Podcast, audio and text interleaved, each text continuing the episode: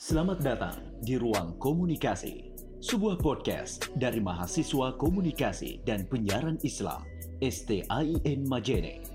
Menyajikan perbincangan menarik seputar Islam dan ilmu komunikasi dengan narasumber ekspor dan terpercaya bersama para podcaster Suhiryanto, Durfahmi, Alfiani, Bagfira, dan Syahrul. Selamat mendengarkan dan semoga tercerahkan. Selamat siang, Anda bergabung di Ruang Komunikasi. Sahabat pendengar, kita sering mendengarkan istilah radikalisme melalui berita, ceramah, seminar, atau kegiatan serupa yang intinya menggambarkan radikalisme yang sering diarahkan pada agama Islam ini sebagai sesuatu yang negatif, perlu dihindari, berdampak luas, sehingga muncullah gerakan-gerakan anti radikalisme. Lalu, apa sih sebenarnya radikalisme ini? Apa yang membuatnya terus bermunculan? dan bagaimana mencegah atau mengatasi perkembangannya. Sudah hadir bersama saya Ustaz Abdul Waris, dosen program studi ilmu Al-Quran dan Tafsir STN Majene. Assalamualaikum, selamat siang Ustaz. Waalaikumsalam warahmatullahi wabarakatuh. Kita lihat perkembangan pada zaman modern ini. Masih banyak orang yang belum mengetahui apa sebenarnya radikalisme ini. Jadi menurut Anda, apakah radikalisme ini? Uh, baik, Alhamdulillahirrabbilalamin. Salatu wassalamu ala ashrafil anbiya wal mursalin. سيدنا ومولانا وشفينا وحبيبنا محمد صلى الله عليه وسلم وعلى آله وصحبه ajma'in amma ba'd baiklah radikalisme itu adalah sebuah paham jadi kalau ada ismenya itu adalah sebuah paham ataupun sikap dari orang-orang yang menginginkan perubahan terhadap uh, tatanan sosial politik dan juga keagamaan secara drastis dengan cara-cara yang ekstrim dan juga cara-cara kekerasan. Nah, seperti itu yang dimaksud dengan radikalisme. Dalam menurut pandangan Islam, apakah ada radikalisme pengertian secara khususnya? Sebenarnya agama tidak mengajarkan tentang radikalisme karena radikalisme itu muncul dari politik sebenarnya. Tapi karena uh, dalam sejarah uh, dia dibumbu oleh politik sehingga di awal-awal mulai Islam juga ada aliran radikalisme yang kita kenal dengan aliran Khawarij. Uh, Khawarij itu adalah dulunya adalah kubunya Sayyidina Ali bin Abi Thalib ketika yang bermusuhan dengan uh, Muawiyah bin Abi Sufyan.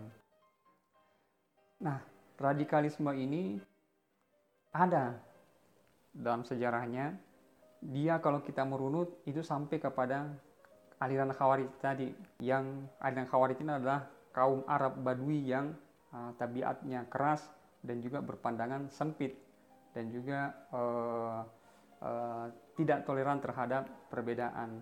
Uh, sehingga sampai ia mengkafirkan Sayyidina Ali bin Abi Thalib dan juga dia mensyirikkan bahwa semua yang menerima tahkim itu adalah semuanya kafir dan semuanya adalah orang syirik dan harus dibunuh dan halal darahnya itulah radikalisme di di awal Islam seperti itu. Terus kan juga di Indonesia sering terjadi apalagi ada kelompok-kelompok tertentu yang membuat aliran-aliran. Apa yang ingin dirubah paham ini? Uh, kalau di Indonesia itu ada dua tipe yang saya lihat. Yang pertama adalah uh, radikalisme yang sangat anti terhadap Barat.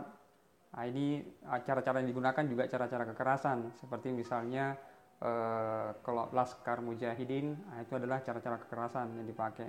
Ada juga tipe yang kedua yaitu uh, ingin mengaplikasikan khilafah dan menggantikan uh, Pancasila sebagai ideologi kita.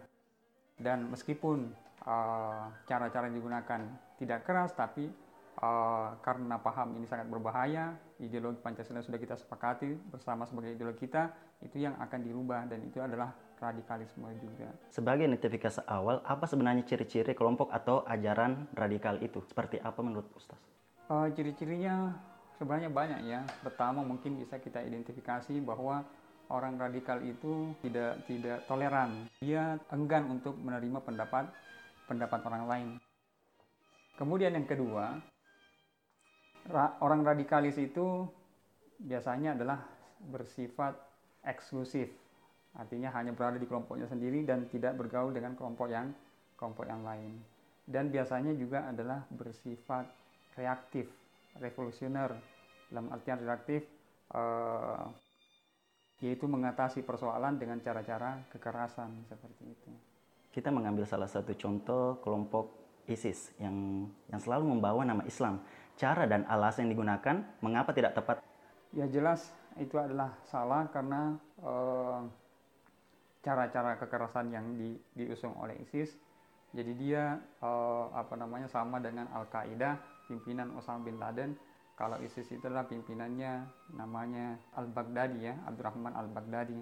Abdurrahman Al-Baghdadi ini hmm, itu dengan teror kepada semua negara-negara yang tidak menerapkan agama Islam, maka dia adalah menjadi musuhnya dan akan menjadi uh, ancaman dari dari ISIS. Dan Indonesia juga merupakan uh, apa namanya uh, uh, sering melayangkan ancaman kepada negara Indonesia yang notabene-nya beragama Islam yang mayoritas.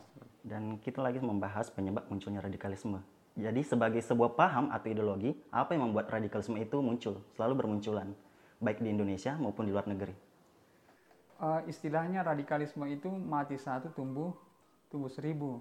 Nah, jadi pimpinannya mati satu, tapi ia tidak terhenti situ karena karena sudah berhasil merekrut orang yang banyak dan sudah didoktrin sedemikian rupa sehingga ketika pimpinannya mati, mereka akan bergerilya di di tempat-tempat yang lain seperti itu. Karena doktrin yang diusung oleh uh, kalangan jihadis, kalangan uh, radikalis ini adalah konsep jihad bahwa yang mereka lakukan itu adalah jihad dan mengkafirkan orang itu adalah jihad ketika ia membunuh orang ataupun menumpahkan musuhnya, menumpahkan darah musuhnya itu adalah sebuah jihad yang mana layak untuk mendapatkan surga seperti itu. Sehingga uh, dengan iming-iming jihad itulah yang membuat mereka uh, menjadi radikalis seperti itu.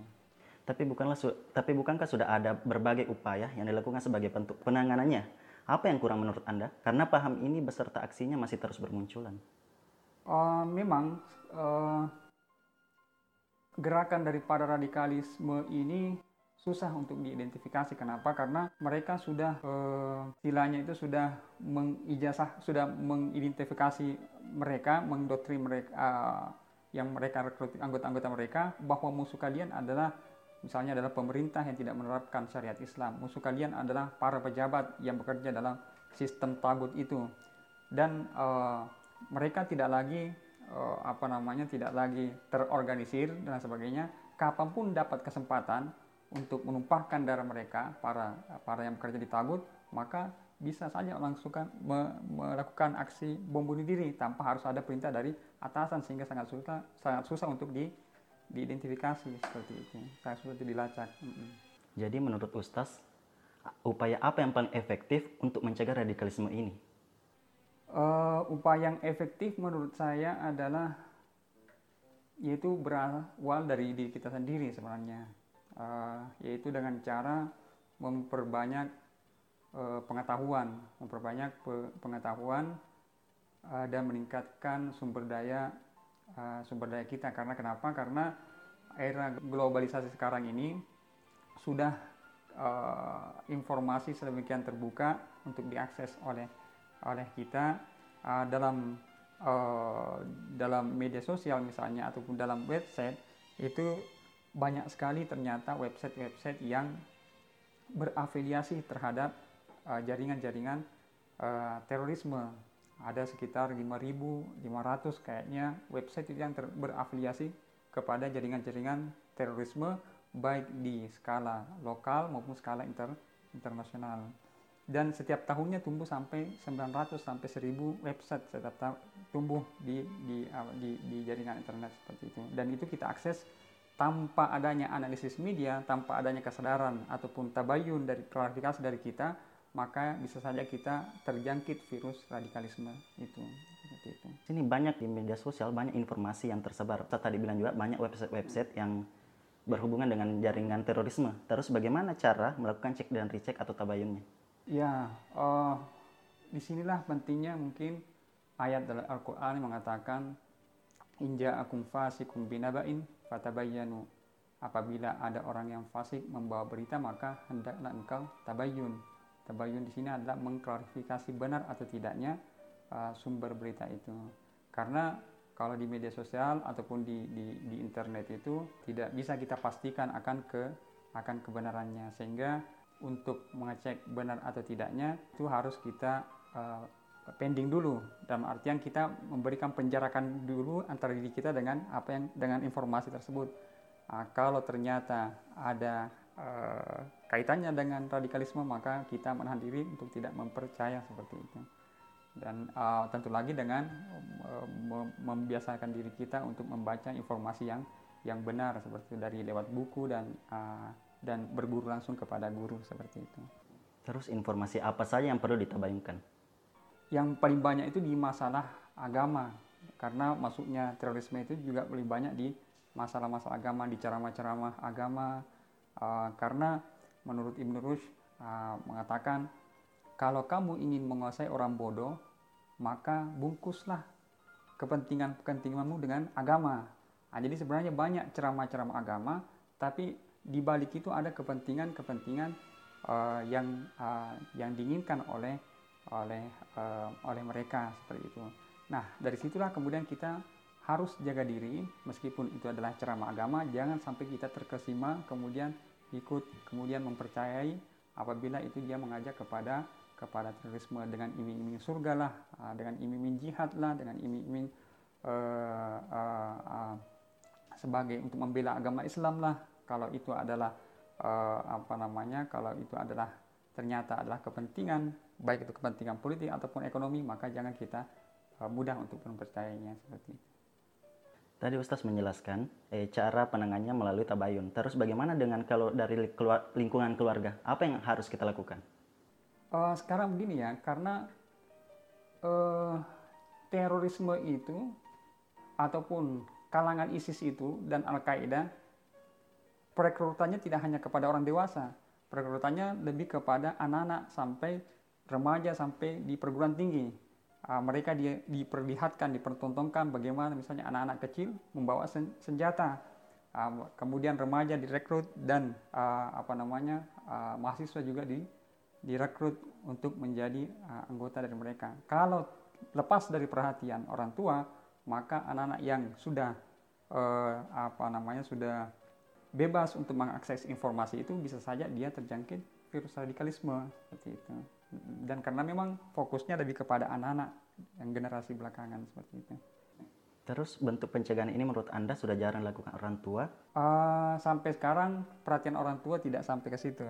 Kebanyakan dari mereka belum melek politik dan belum melek uh, apa namanya tentang radikalisme. Saya kira ini adalah harus adanya sosialisasi dari uh, pemerintah untuk mensosialisasikan kepada uh, kepada masyarakat khususnya kepada orang tua untuk uh, menghindarkan anak mereka dari uh, pengaruh radikalisme. Terus tadi Ustaz mengatakan ada anak yang keluar dari kontrol orang tuanya. Terus bagaimana cara mencegah mencegah anak itu? Uh, yang terjangkit itu memang agak susah untuk di untuk untuk disembuhkan. Perlu adanya uh, apa namanya perlu adanya karantina dan penjelasan lebih lanjut bahwa uh, akidah yang uh, akidah yang engkau yakini itu adalah akidah yang salah bukan akidah yang sesung, bukan akidah yang benar dan yang diajarkan oleh baginda Nabi SAW yang rahmatan lil alamin yang merupakan uh, sebagai penyebar kasih sayang terhadap semesta alam. Uh, harus ada uh, apa namanya pembelajaran secara uh, secara kontinu uh, dan mengajar dan apa namanya membimbing mereka apakah kepada ustadz yang sudah kompeten uh, bahwa dia adalah aliran moderat nanti bisa dibawa ke sana agar supaya mereka bisa menyadari bahwasanya akidah yang dianggapnya diyakini selama ini adalah akidah yang salah dan uh, butuhkan apa namanya butuhkan bimbingan.